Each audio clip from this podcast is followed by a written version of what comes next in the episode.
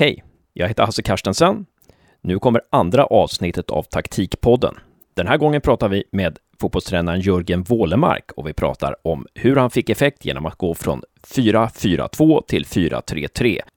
Det var nämligen så att Ljungskile inledde lite trögt i serien, men efter att man hade gått från 4-4-2 till 4-3-3 så gick man från klarhet till klarhet och nu leder man betryggande division 1 södra och finns antagligen i superettan nästa år.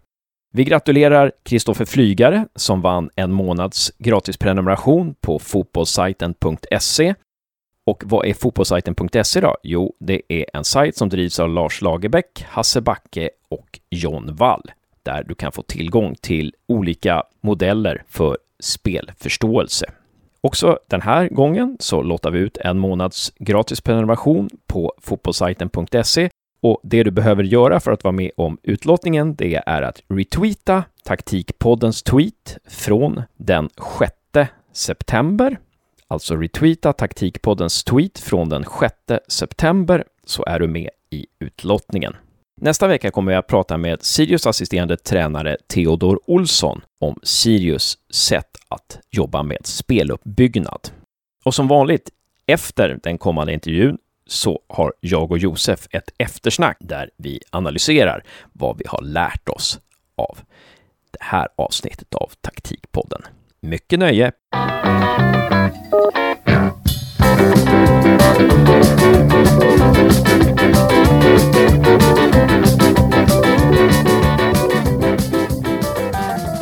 Stort välkommen till Taktikpodden, Jörgen Wålemark.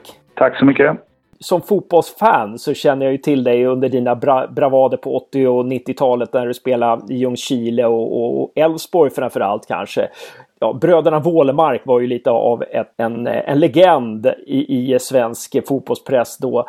Och sen så efter din fotbollskarriär, du spelade ju forward, var målspottare, minns jag det som i alla fall. Och sen så efter din fotbollskarriär så har du, eller spelarkarriär så har du fortsatt som tränare i Varberg och Jönköping och numera i Ljungskile då. Ljungskile SK som leder serien. Är det någonting du vill lägga till där som du tycker att jag förbisåg? Nej, men det är väl, eh, ska man lägga till någonting eh, kring med lite Gävle-koppling då så kommer jag ihåg en gång en presskonferens efter att vi hade med Varberg slagit Gävle med 2-1 och Poja var tränare för Gävle. Och eh, jag svarade lite så här, eh, alltså man, ja, jag fick frågan om eh, vad tycker du om matchen från eh, någon Gävle-reporter och eh, svarade då eh, ja men det, jag tycker Gävle är bra och drog med någon gammal sån här, inte tänkte så mycket på vad jag svarade utan mer svarade artigt och trevligt och sa att ja, men de är bra, de kommer ta många poäng i höst här nu, de låg sist i serien och Gävle.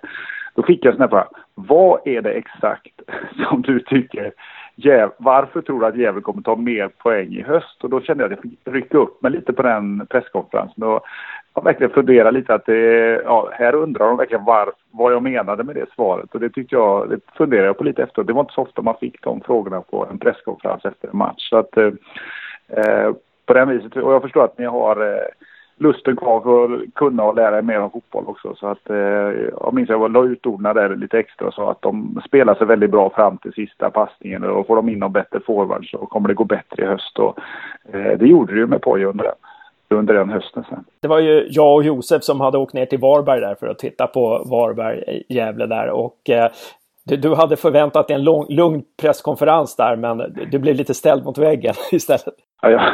ja exakt. I alla fall att jag fick analysera Gävle också. Jag var mest eh, inne på mitt eget lag Varberg men det var kul ändå att det hände något annat än det gamla vanliga på en presskonferens. Så, ja, jag vet inte om det hjälpte men Gävle kom igång efterhand i alla fall. Ja, och det var ett väldigt imponerande Varberg i den matchen också, ska jag säga. Det var, det var ett Varberg som det inte gick att komma förbi på något vis. Men om vi fortsätter lite på det här taktiska spåret då. Alltså du har ju jobbat både som fotbollsspelare och fotbollstränare. Kan du lyfta fram någon upplevelse, om det skulle en eller flera upplevelser som har betytt eh, ganska mycket för ditt sätt att förstå eh, och, och se på det här med fotbollstaktik? Jag minns, eh, kan man säga, när, när jag, blev, jag var ju två juniortränare i Häcken så jag fick en bra start där kan man säga, där man ändå fick vara med om man fick chansen att misslyckas och göra, testa lite grejer under de två åren som eh, det var inte på liv och död om vi vann matcherna helt enkelt. Så att det var, eh, det var en bra början. Men jag kommer ihåg att första året när vi var i eh, jag hade sett Varberg spela när jag själv tog över dem sen så kom vi till några matcher i början av serien där man, eh, mitt första år som seniortränare, där det verkligen jag hade jobbat enormt mycket med vår backlinje, att de skulle till exempel falla väldigt mycket bättre än de hade gjort året innan. Att de snabbare skulle, hade motståndaren bollen på mitten, rättvända, att de skulle vara en backlinje falla väldigt, väldigt snabbt. Men de, de föll så fort i de första matcherna kan man säga, för vi hade tränat på det så mycket så att eh, motståndaren kunde enkelt passa in till sina forwards, de fick vända upp varje gång. Och då kommer jag ihåg, jag vet inte exakt vilken match det var, men jag kände efteråt att jag har jobbat så mycket med det här så att det, det funkar men så här kan vi inte spela framöver. Så då fick jag på något vis ja, vända på det lite och det, det var en sån grej att jobbar du enormt mycket med en grej så efter ett litet tag så nu med dagens framförallt nu ännu mer då med att alla matcherna går på Det kan man se på video, man kan se motstånd på olika sätt. Att, eh, du får, jobbar du enormt mycket med en grej så får du andra problem kan man säga på vägen så att du får vara väldigt öppen kring de grejerna. Att du tror att du har lösning på fotbollen men ett halvår senare eller några månader senare eller så, så har det ändrat sig lite. Så att man, jag är inte, inte så, eh, vad ska man, hundraprocentigt säker längre att gör vi så här så blir allting perfekt utan försöker ha lite öppnare sinne. Och det, eh, ja, det har väl följt med mig från den dagen. Intressant. Det där säger väl också lite om det här eh, tycker jag med att jag läser in i alla fall att man ska aldrig bara under en träning träna på en sak utan man måste träna på flera saker. Är det, övertolkar jag dig där eller? Ja, men man får ha en, alltså man kan jobba på olika saker. Jag tror att det, det har varit en väldigt stor utveckling också då kan man säga. De första åren som jag tränade i Superettan med Varberg det började väl, tror jag då, 2014 borde det varit. Eh, de första åren där kändes som att många tränare inte var lika noggranna, man hade inte samma koll. Går du fram två år i Superettan för min del med Varberg så var det det försvann kan man säga. Tränarna var mycket mer pålästa, man hade inget, fick inget gratis på planen kan man säga egentligen. Och det gör att eh, de grejer du jobbar med en vecka och som du lyckades med på ena matchen, det, det har lite mer motståndarna läst in sig på till veckan på. Men för att göra det enkelt för spelarna så är det ändå viktigt att de har grunderna alltid kvar och så får man skruva lite grann på dem från vecka till vecka kan man säga. Men du får ändå ha en grund eh, i din träning som gör att det inte blir för krångligt för dem och även att du Försök fokusera framför allt på ditt eget lag. För det kvaliteten kanske i ja, division 1 som vi är nu men även i superettan det är att får du ditt eget lag är viktigare än motståndaren kan man säga. Så att, eh, eh och sen får man då som sagt små förändringar kontra motstånd bara. Men eh, 70-80 procent på ändå vad, hur ditt eget, att det funkar de grejerna du jobbar med. Framförallt försvarsmässigt med ditt lag. Jätteintressant. Väldigt intressant analys det där av, av superettans utveckling och så.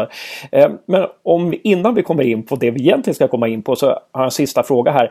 Finns det någon enstaka match i ditt liv, antingen som du har spelat eller som du har sett, där du liksom har fascinerats av det taktiska lite högre, i högre grad än, i andra matcher som du har spelat eller sett?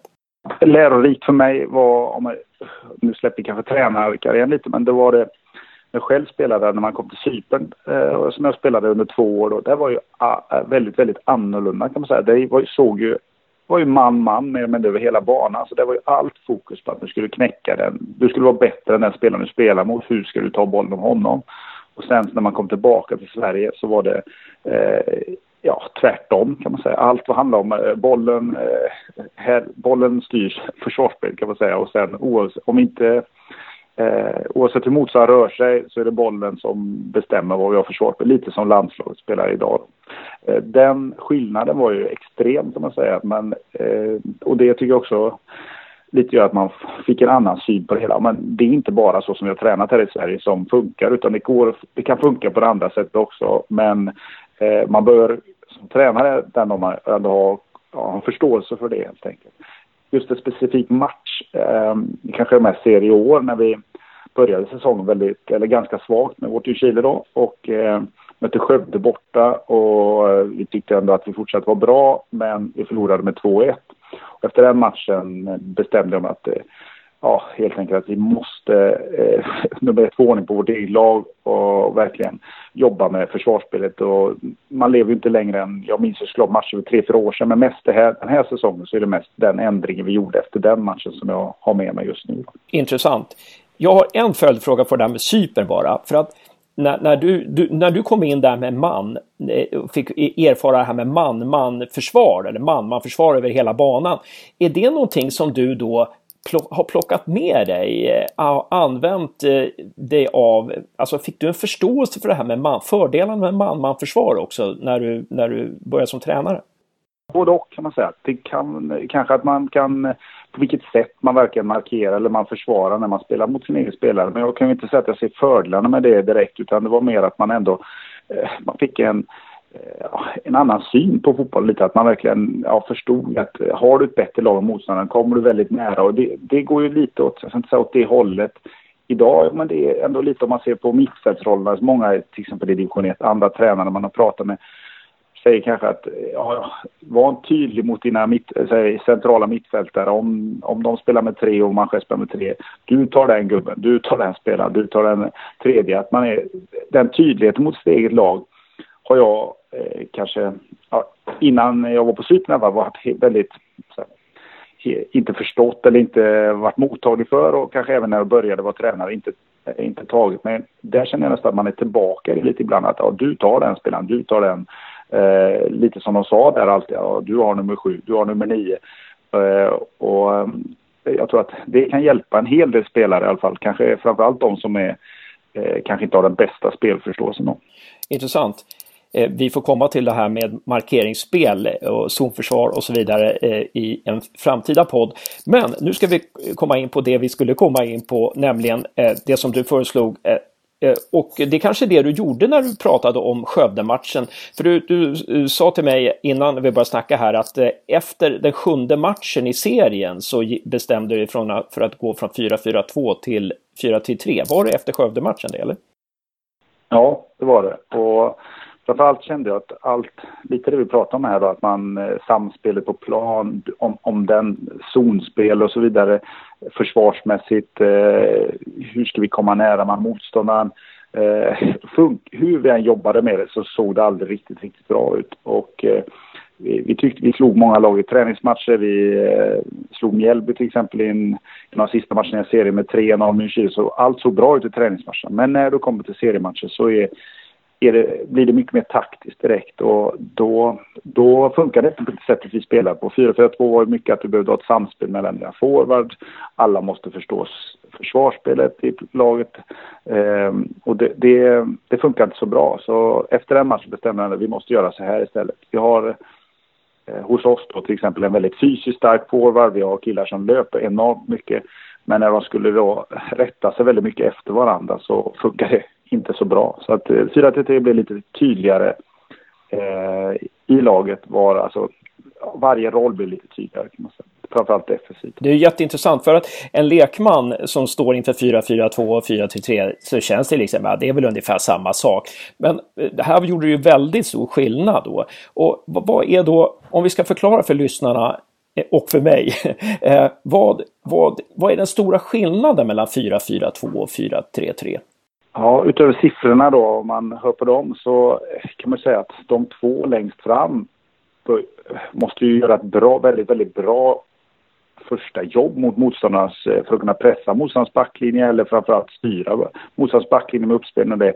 Och man måste också, de två på topp, nu pratar vi försvarsmässigt då, måste också ha förståelse för eh, om den ena spelaren pressar så, då måste jag själv lägga mig eh, ja, i förhållande till medspelaren. Man måste hela tiden ha lite känsla för det kan man säga, som är svår att träna på. Och eh, ett, om, vi börjar, om vi vänder på det, har du tremanna forwards kan man säga, då är det mer tydligt att dina 4 till 3, de två ytterforwardsen du har, de är tydligt, du pressar ytterbacken, forwarden i mitten jobbar mot de två centrala mittbackarna och då, då är, blir grunden mycket bättre från början. Vi kom mer från rätt håll i vårt försvarsspel. Och sen såklart så är det lättare att falla ner så du får fem mittfältare då ibland. Men att du kan ju dra hem en forward också såklart och få fem mittfältare. Men vissa, det är, stora ytor att täcka. Och det gjorde du, i vårt fall har det blivit väldigt, väldigt mycket bättre i alla fall med 4 till 3. Så försvarsspelet för, för forwards längst fram där så blev försvars, det blev enklare att försvara, lättare att förstå försvarsspelet eh, och så vidare. Eh, Eh, ja, det blir mer naturligt på något vis där. Då, då blir ju mittfältet också blir av med en gubbe där. Vad innebär det för defensiven? Kan man säga att om motståndaren då spelar förbi den här första pressen, kan det finnas en fara där då eller? Ja, det, det kan det göra såklart. Men du blir lite starkare centralt om du har tre mittfältare och de inte ligger för brett. Eh, så att du blir starkare i, i mitten av banan. Det blir lite tydligare som vi snackade om innan att eh, om motståndaren har tre mitt, centrala mittfältare så kan du själv nästan spela ja, mera med närmarkering, komma närmare och eh, ge dem mindre tid helt enkelt och smälla på dem lite hårdare. Sen får ju dina ytterbackar då, vilket vi har, eh, ja, varit var ganska snabba och var bra att läsa om pressen så hjälpa till lite om motståndaren spelar förbi i vår första press då och kommer ut på en ytter till exempel. Då kan man ju kliva upp med sin ytterback och, och, och det är inte så, vill säga, det kräver inte så himla mycket utan det tycker man de ska klara ändå att okej okay, nu går bollen förbi här då stöter man på bollsidan med sin ytterback och då det är ganska enkelt att träna och jag tror att det inte kräver lite mindre spelförståelse av spelarna i ett eget lag utan det kräver mer fart och aggressivitet och det, det har vi och det, det känner jag att det, det har hjälpt oss mycket. Ja, just det. Och det är ju lite utifrån, som du är inne på, det är lite utifrån den trupp man har. Så att man behöver, man behöver ha två ganska snabba eh, ytterbackar kanske då. I alla fall med att man kan läsa spelet bra och att man kan se här behöver jag då kliva fram eh, kontra att om, om motståndaren bestämmer sig nu slår vi längre bollar. Ja, man, den, de ytterbackarna man har är bra om de kan läsa det, det läget att nu kliver jag inte upp utan jag, nu kommer en långboll här och jag ligger kvar och hjälper mina mittbackar på den långbollen. Och det, eh, ja, det, det, är ju helt upp egentligen till vilken egen trupp man har. Men jag tror att det blir... Eh, för oss har det varit väldigt mycket jag och killar som springer väldigt fort i Chile. De är aggressiva, de jobbar allt de kan hela tiden. Och då har det blivit, eh, de har fått mindre att fundera på kan man säga, utan mer tydliga roller och det har hjälpt vårt lag väldigt, väldigt mycket. Ni blev lite för avvaktande då i, i defensiva tänket med 4-4-2 kanske då, eller? Ja, och även att man eh, istället då får mycket val kan man säga. Det är ju spelare försvarsmässigt, det är mycket bättre om de är, ja, du gör så här. Problemet är ju att om motståndaren lurar en då lite och så, så kanske det inte ibland räcker att säga till dem innan matchen att eh, spela så här så kommer det gå bra, utan det får bli en egen känsla ibland lite att, ja, okej, idag funkar inte det, jag måste göra så här istället. Och den, eh, de spelarna som klarar det kanske det inte finns så många kvar i, i division 1 utan eh, där är det mer killar som har några väldigt bra egenskaper kanske att de är snabba, skjuter hårt, jobbar stenhårt och liknande och de, den typen av killar, det är väldigt bra om de har det så enkelt som möjligt för sig för då kan de vara väldigt bra fotbollsspelare också. Få ut sina spetsegenskaper helt enkelt. Då har vi pratat om 4-3 som en defensiv formation. Men om vi pratar om det som en offensiv formation, vad är det för skillnad mellan 4-3-3 och 4-4-2 där när det gäller offensiven? Offensiven är väl egentligen då att 4-3 kan ju bli att forwarden blir väldigt isolerad och ensam då. Att det kan vara svårt att få till ett djupledsspel med... Man vill gärna, gärna hota motståndarnas mittbackar framförallt och komma in bakom dem. Och det var en stor anledning till att vi började säsongen med 4-4-2 för jag var ju med i Ljungskile ett halvår förra hösten och eh, då känner man att många lag i ettan kanske inte har de snabbaste mittbackarna. Då måste vi ha no alltså komma in bakom de mittbackarna med våra löpningar och med våra passningar. Eh, och eh, det kan ju vara en svårighet ibland i 4-3 då, att man har en forward som motståndaren mittback bara behöver ha riktig koll på. Så man försöker hota med löpningar från kanterna då. Det kan vara lite svårare att hitta in med passningar bakom mittbacken helt enkelt. Så det blir väl ett, ett minus kan det vara för många lag då. Samtidigt som då tränar du tillräckligt mycket då bör du få med dina kant, eh, ja, ytterforwards upp där. Och även så kan du få med dina, kanske förhoppningsvis centrala mittfältare då och hjälpa forwarden ordentligt. Det är viktigt om du spelar 4-3. Ja, just det. Men tolkar jag det rätt nu, alltså att, att ibland så att det finns en nackdel där med 4-3-3, att, att, alltså att eh, man inte kommer in tillräckligt centralt då med, med 4-3-3, eller? Ja, det kan bli en nackdel att man inte får, kommer in bakom motståndarens mittbackar med några löpningar. Eh, det kan det ju bli. I och med att forwarden ofta blir felvänd då när man har bollen själv. Det är svårt att titta mot... Om ens eget lag har bollen i backlinjen så måste ju mittforwarden eh, vara vänd mot och vara beredd att ta emot den eh, långa passningen eller vara beredd och spelbar.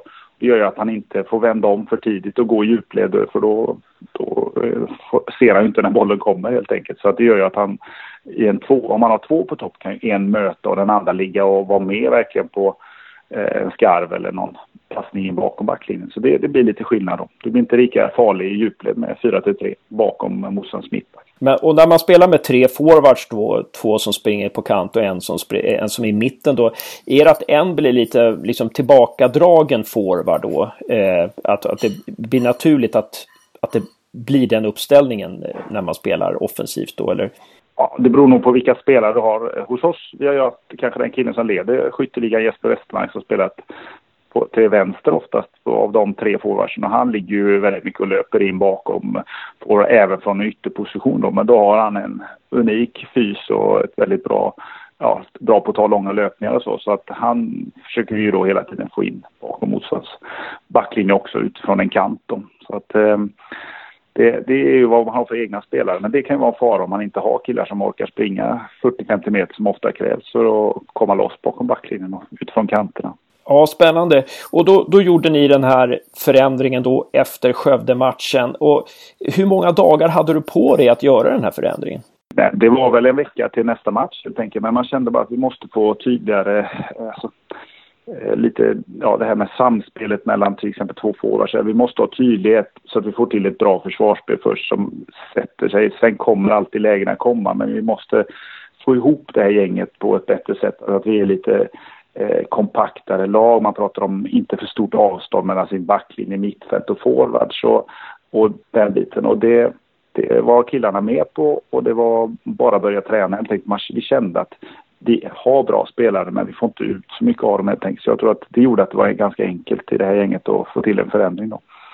Eh, så att eh, vi hade en vecka på oss och det, det blev bättre till nästa match. Och då får man en seger och så, och då rullar det på. Och sen dess har ingen funderat på det, att jag ändrat. Jag tror att nu kör vi bara. Mm. Hur pass rutinerade är spelare? Nu, nu har, tränar du division 1-lag, i, kanske superettan-lag nästa säsong. Hur pass rutinerade är spelarna att gå mellan 4-4-2, 4-3-3 och 5-3-2 och 3-5-2 och sådär? Vet de, vet, ja, vet de direkt vad det innebär liksom? Nej, det tror jag inte de vet. Men jag tror att man får vara lite... Om man ser på Östersunds enorma framgångar i Europacupen med Potter och det, där var de ju unika i det. Att det hände ju grejer under matcherna hela tiden. Där kan man ju faktiskt se... Du frågade mig förut vilket lag som har, man har mött som har varit eh, väldigt speciella, där det har hänt lite mer under matcherna. Och där var det ju taktiska ändringar. Ibland la de någon mittback på topp en stund och så var det tre forwards upp och så Eh, ändrade de sig lite. Och det var ju samma i Europacuperna ibland, att de bytte formation själva Östersund under tiden. Och det, det, det kommer ju inte bara av sig själv, utan det är ju någonting de måste ha övat på träning så att det inte blir någon överraskning för sitt eget lag. Utan det är ju saker, små förändringar de gjorde under matcherna som hela tiden gjorde att de, eh, ja, ja, de var smartare än motståndaren helt enkelt. Men de lär ju ha övat på det mycket. De har haft scouting, de har haft eh, videoanalys, de har gjort mycket smågrejer för att det ska så att alla i sin egen trupp ska förstå vad som händer i alla fall. Och det, de eh, kanske resurserna, men det, det är ett enormt jobb av ett stort tränarteam tror jag, som de var väldigt bra och det visar sig idag när kanske Potter i Premier League och har med sig en stor del av det gänget som hjälpte honom i Östersund. Det var ju unikt på det sättet att de, de låg före hela tiden egentligen. Men man kan vinna över dem ändå. Vi slog dem med Varberg. Det var två gånger på Påskbergsvallen. Men eh, Eh, över tid så var ju de outstandingar i Superettan och till och med ute i Europa också. Nej, men det är svårt. Jag tror man får se på sin egen trupp, helt enkelt vad man har, hur mycket man själv eh, klarar av som tränare kontra hur bra, starkt och bra tränarteam man har. Eh, det viktigaste är att spelarna i sitt eget lag tror på det man gör och att man ja, tror att man och, och verkligen jobbar stenhårt för det. Då kan mycket av de här sifferkombinationerna och hur taktiska grejerna lösa sig ändå. Om spelarna har glädje och fight i spirit, och då löser de många av de här grejerna. På, eh, ja, det blir inget problem, men såklart att ha ju högre upp det kommer, ju mer taktiskt, eh, eh, taktiska svårigheter och taktiska saker händer om man nu jämför kanske allsvenskan med division 1 grunden är ett bra grund och ett rejält jobb. Det räcker väldigt, väldigt långt i ettan. Men det, kommer, det blir tuffare ju högre upp man kommer. Så eh, Sista grej här då, för du var inne på det när vi pratade innan intervjun. Jag vet inte om man ska knyta det till 4-4-2, men du, du undrade det här, eh, ställa en fråga, kan forwards eh, jobba ihop nu för tiden?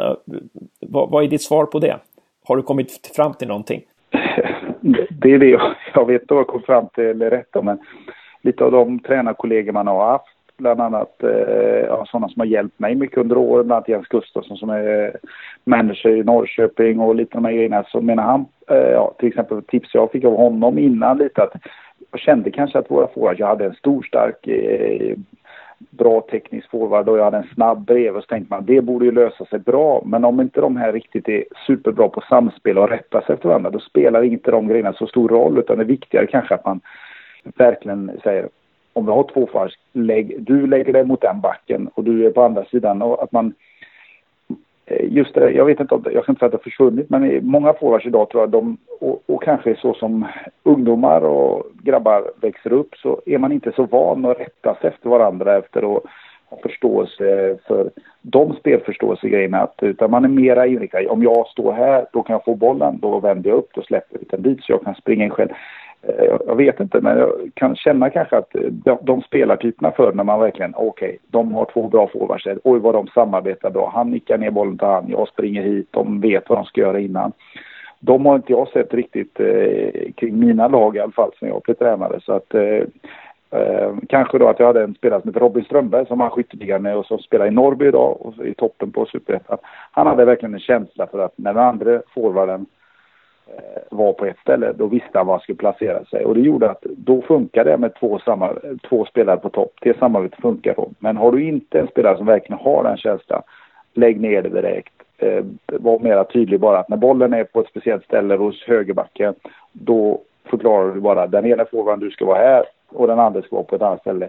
Inte lämna det fritt och tro att de löser det på egen hand. Det tror jag är svårare och svårare. Och, och tycker jag ja, under min tränarkarriär har blivit mindre och mindre av det. Uppmaning till eh, tränare och ungdomstränare att eh, träna spelförståelse mellan forwards. Ja, precis. Det tror jag. Det, där finns mycket att göra helt enkelt. Så att, det ser man ju kanske i landslaget med eh, Berg och Toivonen har spelat ihop. Det var ju kanske inte de två bästa forwardsen i världsfotbollen en, en och en. Men tillsammans hade de en förståelse för hur de skulle hjälpa varandra och har ju till och med då varit eh, riktigt, riktigt bra i VM och då är det ändå toppen av världen och där du möter de bästa spelarna från Spanien, Argentina, överallt. Så de har visat att de kan göra mål mot Tyskland till exempel med Toivonen så, alltså, så gör det att de har varit fantastiska för det laget. Men den dagen de slutar så tror jag att Eh, det kommer komma andra killar som kanske är snabbare, kan dribbla bättre och vara vassare på olika sätt. Men det samarbetet mellan två, det tror jag de får svårare med i landslaget. Och det var ju knutet lite till 4-4-2 det här och det, det kanske är lättare att spela då 4-4-2 när två forwards jobbar ihop. Och kan man inte göra det så är 4-3-3 att föredra kanske ja, i vilket fall eh, inte, inte stångar blodet på att tro att eh, det här ska lösa sig till slut och du får igång dem utan släpp det lite tidigare då och kanske spela eh, ja, ge dem enklare instruktioner. Stort tack Jörgen Wålemark för att vara med i Taktikpodden. Väldigt intressant det här. Tack själva. Ja, lycka till med de här grejerna och som jag håller på med hoppas det blir mycket lyssnare.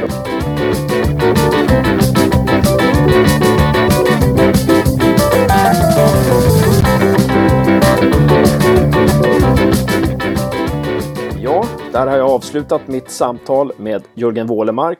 Vad är dina första reaktioner, Josef, efter att ha lyssnat på Jörgen Wålemark?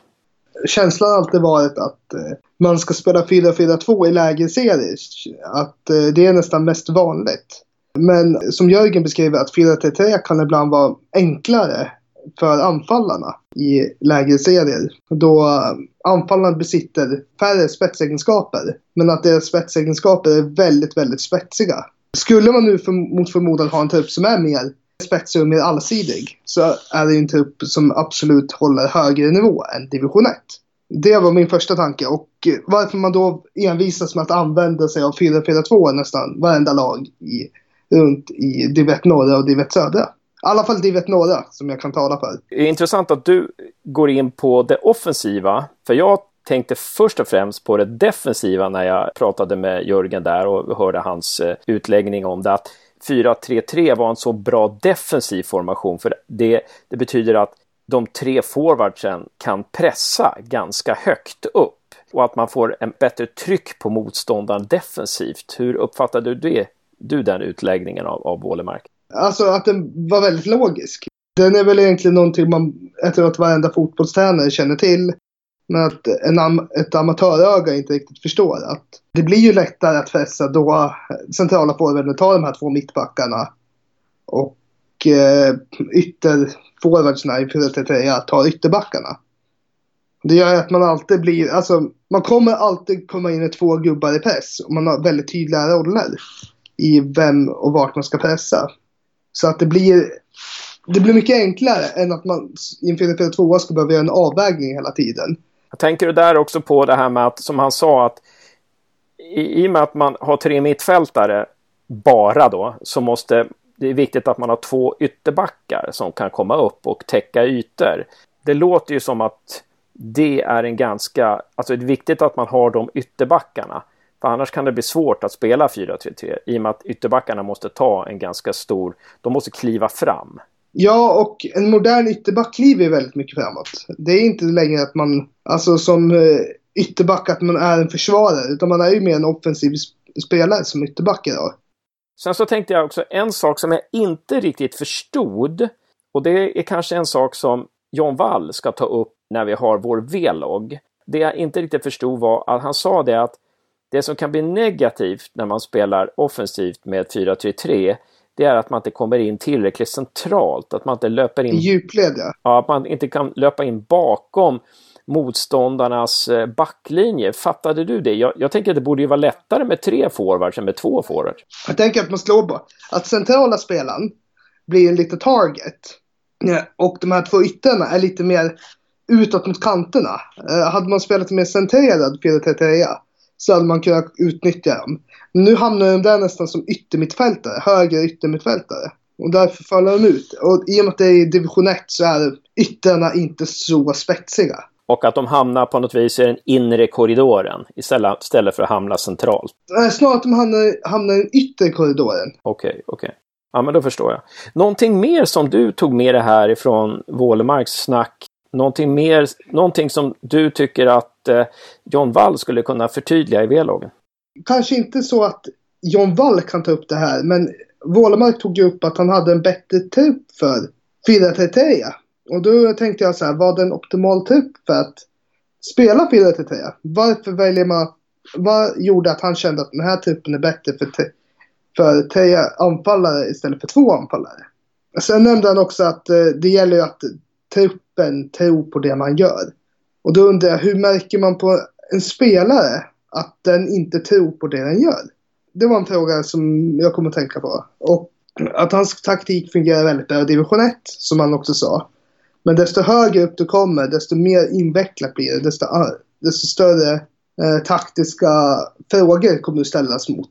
Och det var väl också det jag verkligen reagerade på man kan ju tänka sig då att det som du är inne på där att han kanske måste ompröva. Ljungskile verkar ju vara på väg upp i superettan nu utan kval och om det skulle vara så att de går upp i superettan så är det inte bara att köra vidare på 4-3-3 utan då kanske han måste ta sig funderare vilka spelare han får in, vilka han tappar och, och eh, ja, det, här, det är lite högre tempot och laget som spelar där. Och att hans eh, offensiva fotboll i Ljungski i division 1 eh, kanske inte kommer fungera mot när man ställs mot över halvan av superettan. Men eh, så kan man ju se till exempel Mjällby där. Det känns som att de har spelat en 4-4-2 under hela förra säsongen och de gör det i år också och har förstärkt med bättre spelare.